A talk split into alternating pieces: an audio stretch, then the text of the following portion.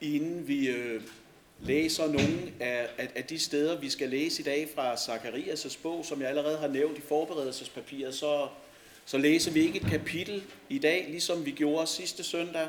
Det bliver lidt mere sådan, øh, det bliver lidt mere nedslag, men det kommer op på væggen her lige om lidt. Men inden vi gør det, så lad os bede sammen. Kære Gud og far i himlen, nu beder vi dig om, at de ord, som vi skal være sammen om, der er talt for mange tusind år siden, stadigvæk må have en resonans i vores liv. At det må vise sig evige, gyldige og bæredygtige ind i vores tilværelse, ind i vores liv her. Jesus, jeg beder dig for alle dem, der er gået ind ved siden af nu. Tal til dem på en måde, så det bliver til tro. Så de elsker dig og vi beder om, at det samme måske her, Herre, at vi elsker dig, fordi vi ser, hvem du er, og hvad det er, du har gjort for os. Så kommer vi os ned, og Herre, du ser, der er ingen af os, der er kommet herind fra et vakuum. Der er så meget, der kan skygge, der er så meget, der kan larme og støje i vores sind og vores tanker, at, at vi er bare mentalt alle mulige andre steder end lige her, selvom vi sidder her. Så jeg beder dig sådan om her, at du nu må give os ro i vores sind. Lad vores tanker finde hvile, så vi kan åbne vores ører og vores hjerter for dig. Amen. Det vi skal være sammen om, det er fire forskellige øh, nedslag i Zakarias' bog.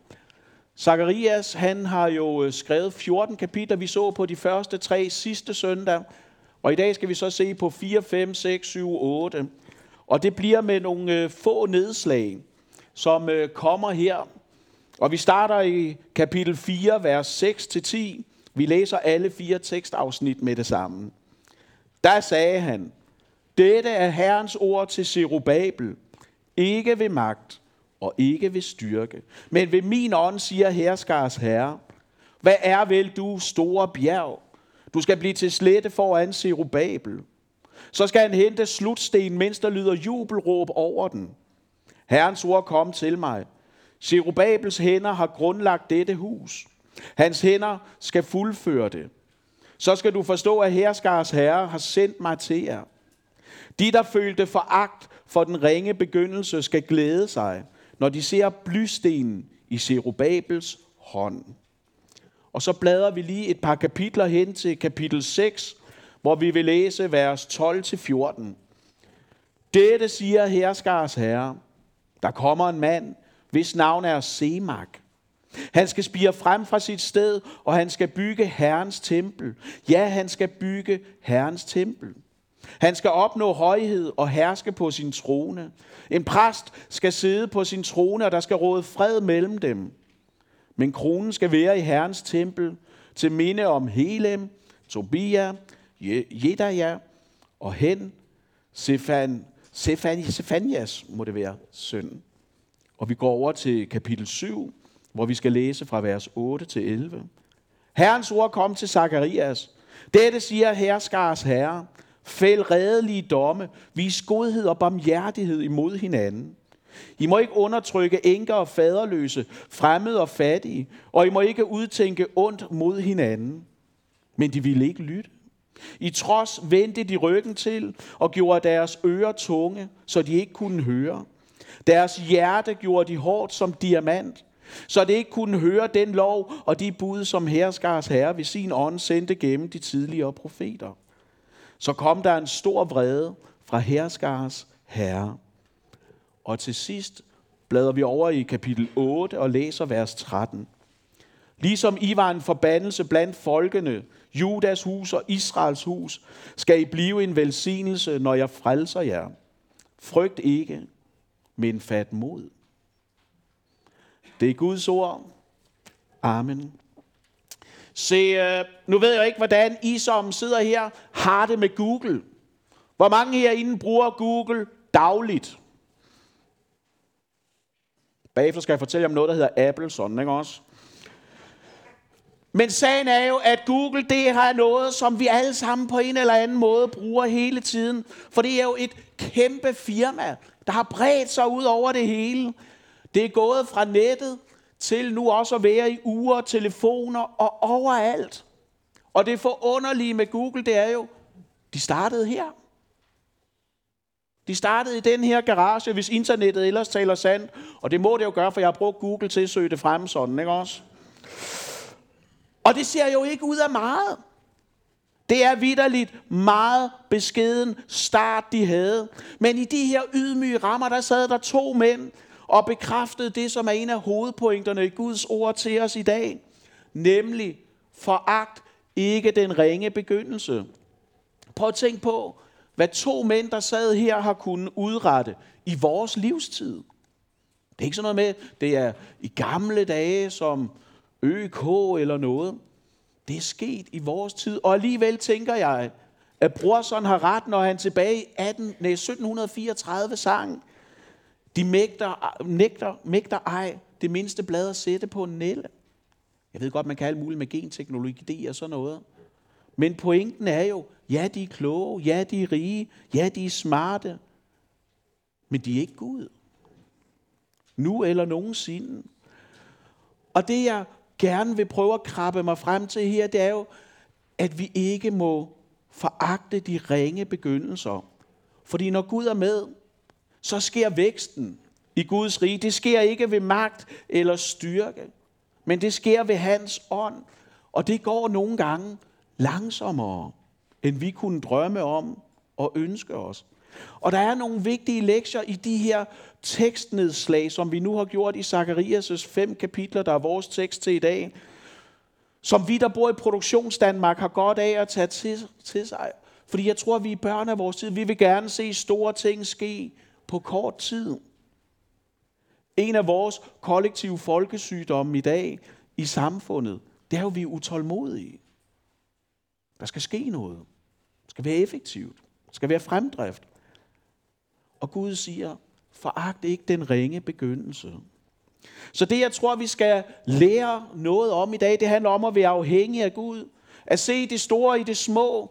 Ikke miste modet og ikke overgive os til håbløsheden, når, ty- når tingene synes at være små eller være gået i stå. Så det skal vi vende os mod lige om lidt. Men først, så skal vi jo lige have en, en opsummering af, hvad var det, vi var sammen om sidste søndag, hvor vi stoppede ved kapitel 3. Vi så på, at Gud han klæder os i frelsens klæder. At Gud ikke er bange for at få beskidte hænder i mødet med os. Og så giver han os en turban, hvor der står, Helligede Herren. For der var en dag, hvor Gud åbnede himlen for os ved at ofre sin egen søn og give ham hen for os. Og når han ikke sparede ham, så så vi på, så er der jo ingen fordømmelse. Og der er ingen adskillelse. Vi stoppede også op for, hvordan Satan han angriber os. Ikke så meget ved at være fristeren, men ved at være anklageren. Og vi så på det her med, at Satan lyver til os om Gud. Men han taler sandt til os om Gud. Og så så vi det her forunderlige kapitel 3. Hvordan Gud taler på vores vegne. At vi ikke er forsvarsløse i mødet med de anklager, som Satan bringer. Fordi Gud er på vores side. Jesus han er for dig, og derfor så kan vi opleve ren tilgivelse, når vi vender os mod Herren. Og det var så her, vi forlod Zakarias. Og nu vil vi så vende tilbage.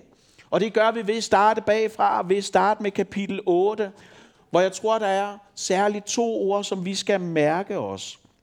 Og det er ordene fat mod og frygt ikke. Og det starter jo med, at fra kapitel 7 af, så ser Zakarias ikke længere noget. Nu er der ikke længere syner. Men nu hører han ord fra Gud. 10 gange, hvis jeg har talt rigtigt, står der, det siger herskars herre her i kapitel 8. For der er noget, som skal høres, og det kan jo være svært. Sådan som Mette allerede har været inde på lige før, og vi vender tilbage til det lige om lidt. Fordi den opgave, som Zerubabel stod overfor, den var totalt overvældende.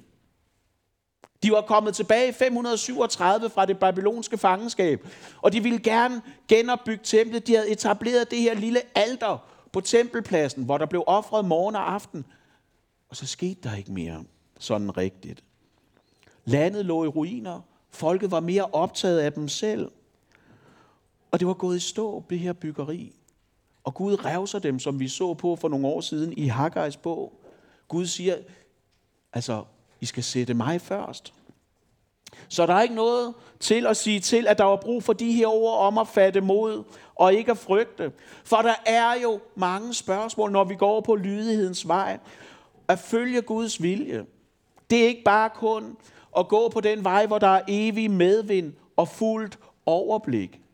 Men det er faktisk indimellem også at blive ledt ind i et mørke, hvor der ikke er nogen følelsesmæssig orientering, hvor vi meget let, tror jeg, kan overmandes og overvældes af modløshed. Fordi når vi ser os omkring, det vi kan få øje på, så ser tingene små, eller tit uoverskuelige, eller uovervindelige ud. Jeg tror, vi kan tage os selv i at stå og se ud over vores livs landskab, og så kun se de der store, problemfyldte bjerge, der giver os en eller anden form for åndelig solformørkelse, åndelig modløshed. Fordi de fylder alt. Fordi de synes store og uigennemtrængelige. De synes vanskelige at bestige eller komme henover. Og så er det jo, at modløsheden kan melde sig. Når man ser, hvor, hvor stærk sekularisering er i Danmark.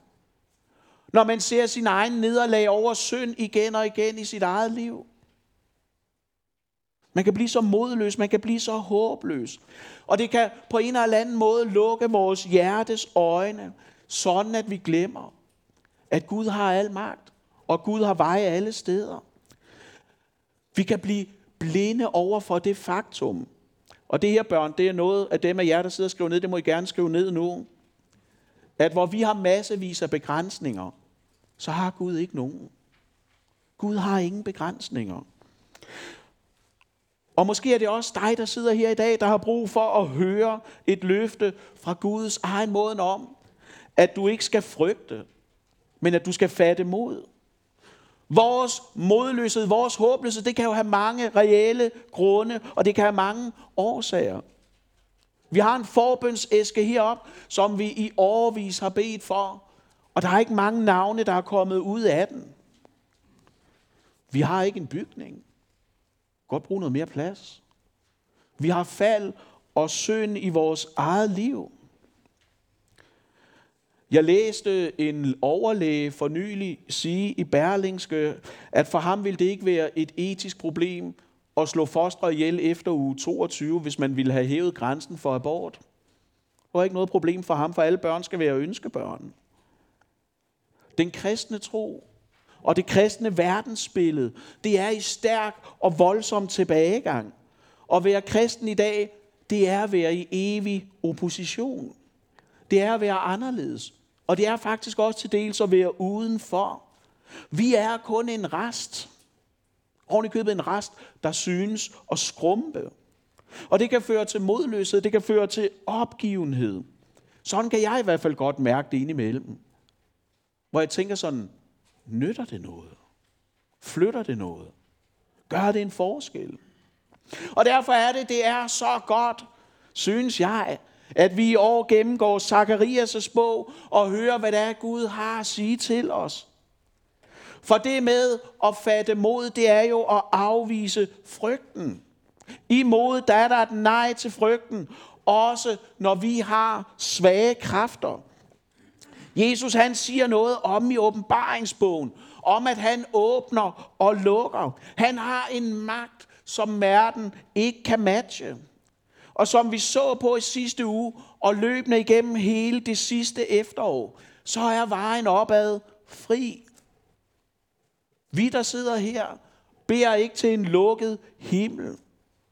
For på den dag, da Gud han fjernede skylden, så åbnede han også himlen for dig. Forhænget blev flænget, og det har aldrig syet sammen igen. Kirkegård, han siger et sted, at Gud han ikke bruger sandsynlighedsberegning.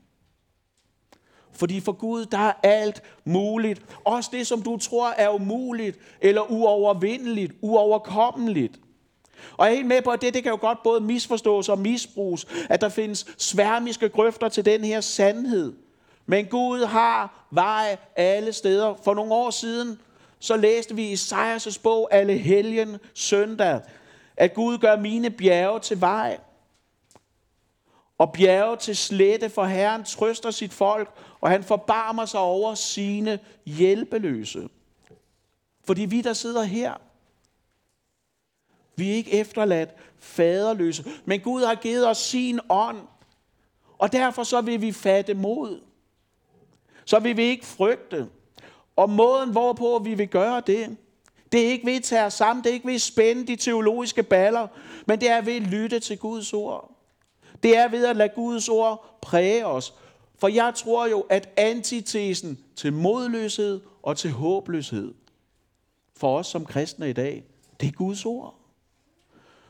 Prøv at se, hvad der står i Zakarias' bog 8-9, som hører disse ord. Fat mod. I nutid. Fordi jeg tror, vi har brug for at høre Guds ord igen og igen og igen. For ellers så kan vi så nemt miste det. Vi kan så nemt glemme det. Vi kan så nemt skabe det om i vores eget sind, så det ikke gør sin virkning i os. Noget af det mest skræmmende, der står i Zacharias' og nu spoiler jeg selvfølgelig lidt af bogen, for vi har jo ikke læst de sidste kapitler endnu sådan helt. Men noget af det mest alvorlige, der står, synes jeg, i Zacharias' bog, det er jo, når han taler om tunge ører og diamant hårde hjerter. For det var noget, de valgte. Det var ikke bare noget, der skete, det var noget, de valgte. Gjorde deres ører tunge, deres hjerter gjorde de. Om det var et bevidst valg, eller om det var en prioritering, der kom af, at de, de havde taget nogle forkerte valg. Det kan vi jo skændes længe om bagefter, og det har jeg god tid til, så det er ikke noget problem. Men problemet er bare, at det var noget, der skete, og de havde en aktie i det. Og derfor vil jeg gerne sige noget her i dag, som kan opfattes kontroversielt. Men altså prøv at høre, jeg har sagt det allerede i efteråret, så jeg siger det bare igen sådan, ikke også? Nu har jeg bare fundet en smartere sproglig indpakning til at sige det i, ikke også? For jeg er overbevist om, det er svært at høre efter, hvis du ikke hører til. Og med det mener jeg, at hvis vi skal fatte mod, hvis vi ikke skal overgive os selv til modløshed og håbløshed, så har vi brug for at høre Guds ord i nutiden.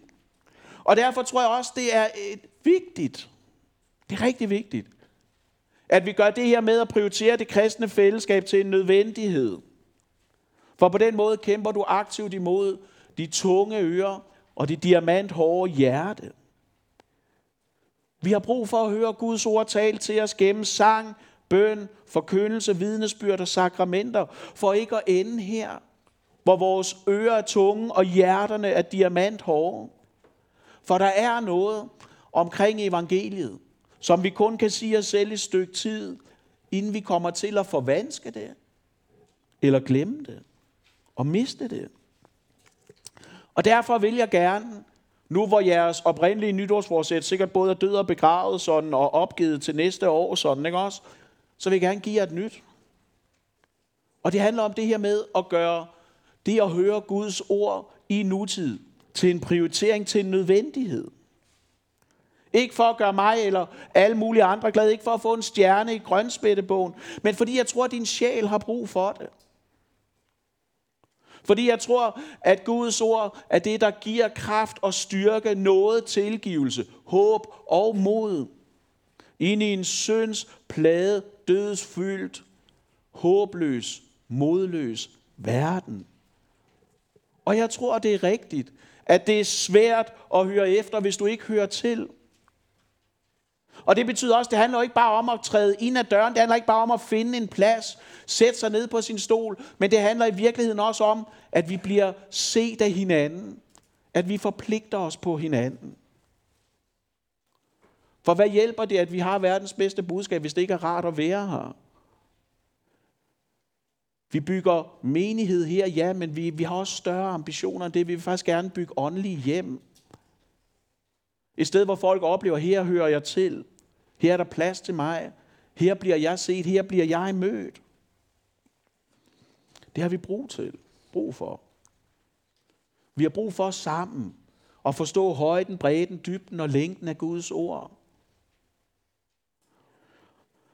For for eksempel, når Zakarias taler om en mand, hvis navn er Semak, så ser det ikke ud af meget i begyndelsen. Det er ikke stort, det er ikke vældigt, det ligner mest af alt bare en konge på et æsel. Det ser ikke ud af meget, men evigheden er i den. For den her spire, han kom, han så, og så gav han sig selv. Han frelste jo ikke sig selv for, at han kunne frelse dig. Og det har vi brug for at minde hinanden om. Vi har brug for at høre det her budskab forkyndt igennem min stemme, igennem jeres stemme, igennem andre prædikanters stemme, der kommer. Så vi kan høre det, så vi kan forstå det, så vi kan tage det til os, så det kan lære sig i vores sind, i vores klæbende hjerter. Og det betyder, at det jeg gerne vil sige til jer nu, det er, fat mod og frygt ikke, kære KVS. Gud han er med os.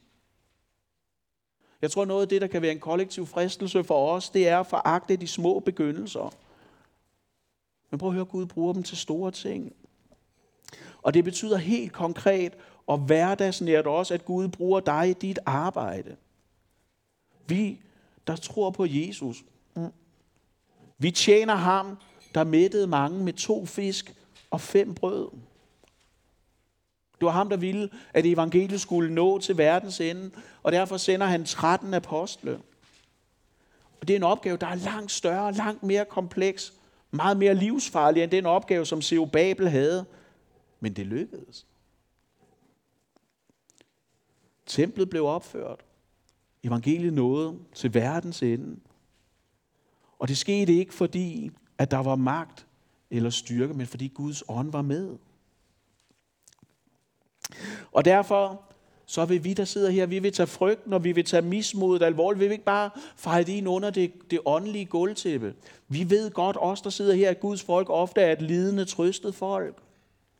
Men vi vil konfrontere vores følelser og oplevelser og spørge os selv og hinanden om, hvad er det, vi ved fra skriften, som vi ikke mærker lige nu? Hvad er det, vi har hørt og gemt i vores klæbende hjerter, som vi ikke mærker? Hvor det måske synes, at Gud er væk, eller endnu mere. Hvor det er som om, at Gud ikke ved, at jeg findes. Nogle gange så tror jeg godt, at vi kan have den her oplevelse af, at vide, om Gud eksisterer, kan vide, om han er der. Men det er gået op for mig, at nogle gange så, så vender spørgsmålet også anderledes. Man er ikke så meget i tvivl om, om Gud er der, men man er i tvivl om, at Gud ved, at jeg er der. Fordi jeg har problemer, jeg har udfordringer, jeg har håbløshed, modløshed og synd, og det er som om, Gud, du griber ikke ind. Og bare sige, ringagt ikke. Foragt ikke de ringe begyndelser. Vi vil ikke frygte, men vi vil fatte mod. For når Gud er med os, hvem kan da være imod os? Svaret er, det vil mange, men de vil ikke sejre. Så fat mod. Vores frimodighed som kristne kommer ikke fra det, vi nødvendigvis kan se omkring os, men kommer fra skriften. Hvor Gud siger, min ord skal aldrig forgå. Jeg har al magt i himmel og på jorden. Helvede skal aldrig få magt over kirken. Der er meget, der kan tage vores mod. Men det vil aldrig sejre. Det vil altid tabe i sidste ende. Det var det første, vi skulle have med os, men der er også noget andet, vi skal have med. Og det er nemlig, hvad er det modsatte af mismodet? Det tror jeg handler om at fuldføre, når vi taler om Zakarias' bog. For når Gud sætter sig noget for, så sker det. Guds planer er altid lykkedes. De er aldrig løbet ud i sandet, og Gud er aldrig blevet taget i et løftebrud. Og derfor skal vi også lægge mærke til, når Gud han taler om at fuldføre. Fordi Gud han vil, at du skal fuldføre løbet. Nogle gange, så kalder Gud os til meget lange projekter. Fra folket vendte hjem i 537 til det templet blev indvidet i 516. Der gik der virkelig mange år. Hvis I keder jer efter, der kan I prøve at slå op, hvor lang tid det tog for Noah at bygge sin ark. Nogle gange så er Guds planer virkelig store, og de er meget lange. Og aldrig mister han overblikket. Og aldrig på noget tidspunkt bliver hans kræfter svækket. At tjene i Guds rige, det er jo til tider, tænker jeg, som at cykle en bjergetappe i Tour de France på flad cykel eller en væltepeter. Fordi der kan både være ydre, og der kan være indre modstand. Og derfor så er det så altafgørende, at vi er forbundet til evangeliet, som er stedet, hvorfra vi kan hente kraft. Det er det, det handler om i slutningen af kapitel 4, det her underlige syn med olie og træer. Skal vi være et lys i vores hverdag? så må vi jo være forbundet til energikilden, fordi vi er kaldet til at være lys her i dødens mørket. Vi er kaldet til at være nogen, der skiller os ud. Skal vi være en velsignelse, så må vi selv være under den. Prøv at tænke på Abraham. Først så vil Gud velsigne ham, og bagefter så skal han være til velsignelse. Og i Kristus, der er alle vi, der sidder her, vi er velsignet med al himlens åndelige velsignelse, så vi ikke mangler noget. Paulus forsikrer os om, at vi har fået alt i Kristus. Og det gælder også dig, der føler dig så tom og så lunken og så åndelig fattig i dag. Som sidder og tænker, bliver det aldrig bedre med mig? Skal jeg bare gå fra synd til synd, til nederlag, til fald? Det jeg prøver at sige, det er jo, og det her, det må I gerne skrive ned også, børn, ikke? Du har alt i Kristus også, når du ikke føler det. Du har alt i Kristus også, når du ikke føler det. For når du er i ham, så er der ingen fordømmelse, kun velsignelse. Al himlens åndelige velsignelse. Der mangler ikke noget. Men, siger Gud jo også her. Jeg ser den synd, som folket begår. Gud er ikke blind. Og Gud skåner jo ikke den, der synder imod hans hellige vilje. Når vi ser ud over dagens Danmark i dag, så synes lovløsheden at være stor. Og den kollektive trosbekendelse, det er jo sådan lidt, du skal ikke blive opdaget. Hvis den går, så går den. Og jeg tænker, når, når vi kigger ud over teologien i dag, hvad er det så, vi møder? Jo, det er oftest hjemmebagte dogmer eller definitioner, hvor man mener at kunne sige, hvem er Gud? Hvad er hans vilje? Og man afgør det ud fra sin egen mavefornemmelse eller ud fra tidsånden, i stedet for at konsultere Guds ord. Man lytter ikke længere efter, hvad Herren siger i nutid, men man lytter efter, hvad siger de andre. Og sagen er jo, at hvis andres stemmer bliver vigtigere for dig end Guds, så kommer de tunge ører, og så bliver hjertet diamant hårdt. Resultatet er jo, at du grædbøder synden eller Guds hellighed, så Guds hellighed bliver nedskrevet eller afskaffet. Fordi det vi tænker i dag, det er jo langt hen ad vejen, det overkommelige må være det vigtigste. At Gud skulle stille krav, der er uopnåelige som giver mig et behov for Jesus, det synes at være sort snak for mange. Og derfor er det så altafgørende, at vi ikke får tunge hjerter, eller, di- eller diamanthårde hjerter og tunge ører, for dem kan Gud ikke få i tale. Man kan lulle sig i søvn med en falsk overbevisning om, at Gud er harmløs og ufarlig. Og det er en løgn fra helvede, som vi ikke må falde for. Det, som vi så om i kapitel 7, det er jo, at Gud så den sociale nød i landet, og han var ikke ligeglad. Og det Gud ikke er ligeglad med, det skal vi heller ikke være. Men vi må engagere os og række ud der, hvor vi ser nøden. Det skal vi gøre igennem kirkernes sociale arbejde. Vi skal gøre det igennem missionsarbejdet i andre lande. Fordi prøv at høre, man kan jo dø af sult midt i sin rigdom, og sådan må det ikke gå os. Og derfor vil vi have lyttende ører og klæbende hjerter, fordi det sætter os i bevægelse hen imod min næste, der har et behov, som jeg kan dække og gøre noget ved. Og så kan vi stå der og se på os selv, vores evner og muligheder og tænke, det er ikke meget. Jeg har ikke meget at byde ind med. Mit overskud er lille, mine kræfter er mindre. Og man kan tænke så lidt, det jeg kan, det jeg formår, det, det, det er så lidt, at det må falde under bagatelgrænsen. Så kan jeg trække åndeligt frinummer.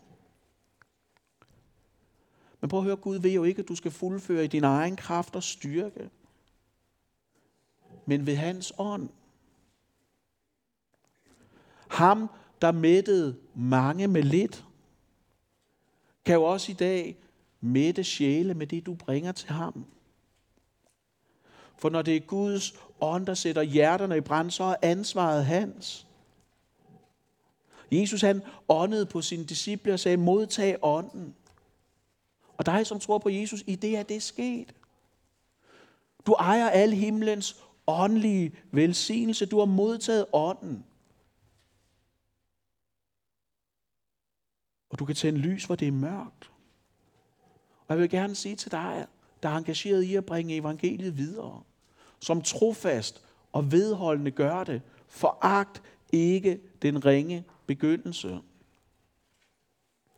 For Gud har fuldført alt for dig, og det er der, hvor vi lander i dag. Fordi i kapitel 6, der hører vi om den her ypperste præst, der bliver kronet som konge. Og det var jo, altså, det var helt utroligt. I samtiden, det sprængte deres forestillingsevner, for det var to adskilte ting. Det var noget, der ikke naturligt passede sammen. Hvor alt en dem instinktivt sagde, det her, det passer ikke. Og, og vi kender det fra i dag. I dag kan man jo også sætte sætninger sammen, hvor man tænker instinktivt, det passer jo ikke. For eksempel så er der måske nogle af jer, der siger, løg smager dejligt. Det er jo en løgn. Nogle af jer vil måske sige, Herning er en flot by. Det ved vi også, det passer jo ikke. Nogle vil sige, Brøndby spiller godt fodbold. Ja, det er jo for åbenlyst, ikke også? Altså, det er... Så vi ved godt, at nogle gange så kan man sætte ting sammen, som vi ved, der ikke passer. Og sådan lød det også underligt for dem, fordi Aaron, han var jo af Levis slægt, og David var fra Judas stamme. Det er to linjer, det er to embeder. Og så sker der noget her i kapitel 6, for så er det som om, at de her linjer, de fletter sig ind i hinanden. Zakarias taler jo til Josva og ikke om ham. For i Josva, der bliver kronen og tronen forenet. Her er det jo i et syn. Men der kom en dag, hvor det blev blodig virkelighed. For den semagt, der kom, der forener konge og præstetjenesten, han blev kronet. Men det var med tårne. Jesus han sagde, at han var det nye tempel. Det tog 46 år at bygge det tempel op, som Zerubabel markede med. Og Jesus siger, riv det ned, og jeg skal rejse det op på tre dage. Fordi han er det nye og bedre tempel. Det er, hvor der aldrig skal ofres mere, fordi hans offer var nok. Og prøv at høre. Templet blev ødelagt i år 70, da, da romerne kom. Men det gør ikke noget. For vi, der tror på ham, vi er Guds hus. Vi er bygget af levende stene. Vi er fået sammen med ham. Vi vokser sammen med ham og i ham. Vi holdes sammen med ham, fordi han er nærværende og virkende. I dig, som tror på Jesus, der troner han i dag både som konge og præst, for han er oprejst til retfærdighed for dig. Og derfor så er det, at han kan klæde dig i frelsens klæde. Han kan sætte turbanen på dit hoved. For når du er i ham, så har du ren tilgivelse, så er du ren og retfærdig, himlen værdig. Helt tilbage fra Samuels tid, profeten Samuel, der ved vi, at Gud vil have vores hjerter meget mere, end han vil have vores offer. Og sådan er det stadigvæk. Gud vil ikke, at du skal gå herfra med et diamanthårdt hjerte. Han ved, at du skal have et hjerte af kød, og derfor greb han ind for at redde og skærme sit folk. Og det hele kulminerer den dag, Jesus han kommer igen og tager bolig i vores midte. En dag, der skal vi bo i en by, hvor Gud er midten og centrum, og vi skal se ham ansigt til ansigt uden frygt.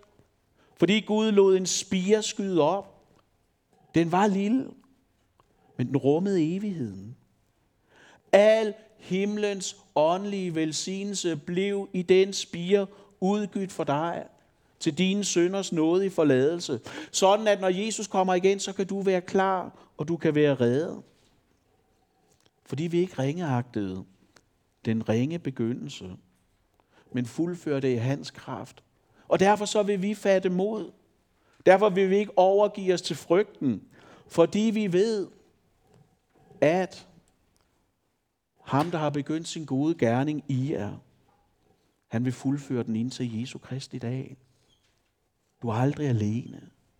Gud, han er med. Og det er altid nok. Lad os bede sammen.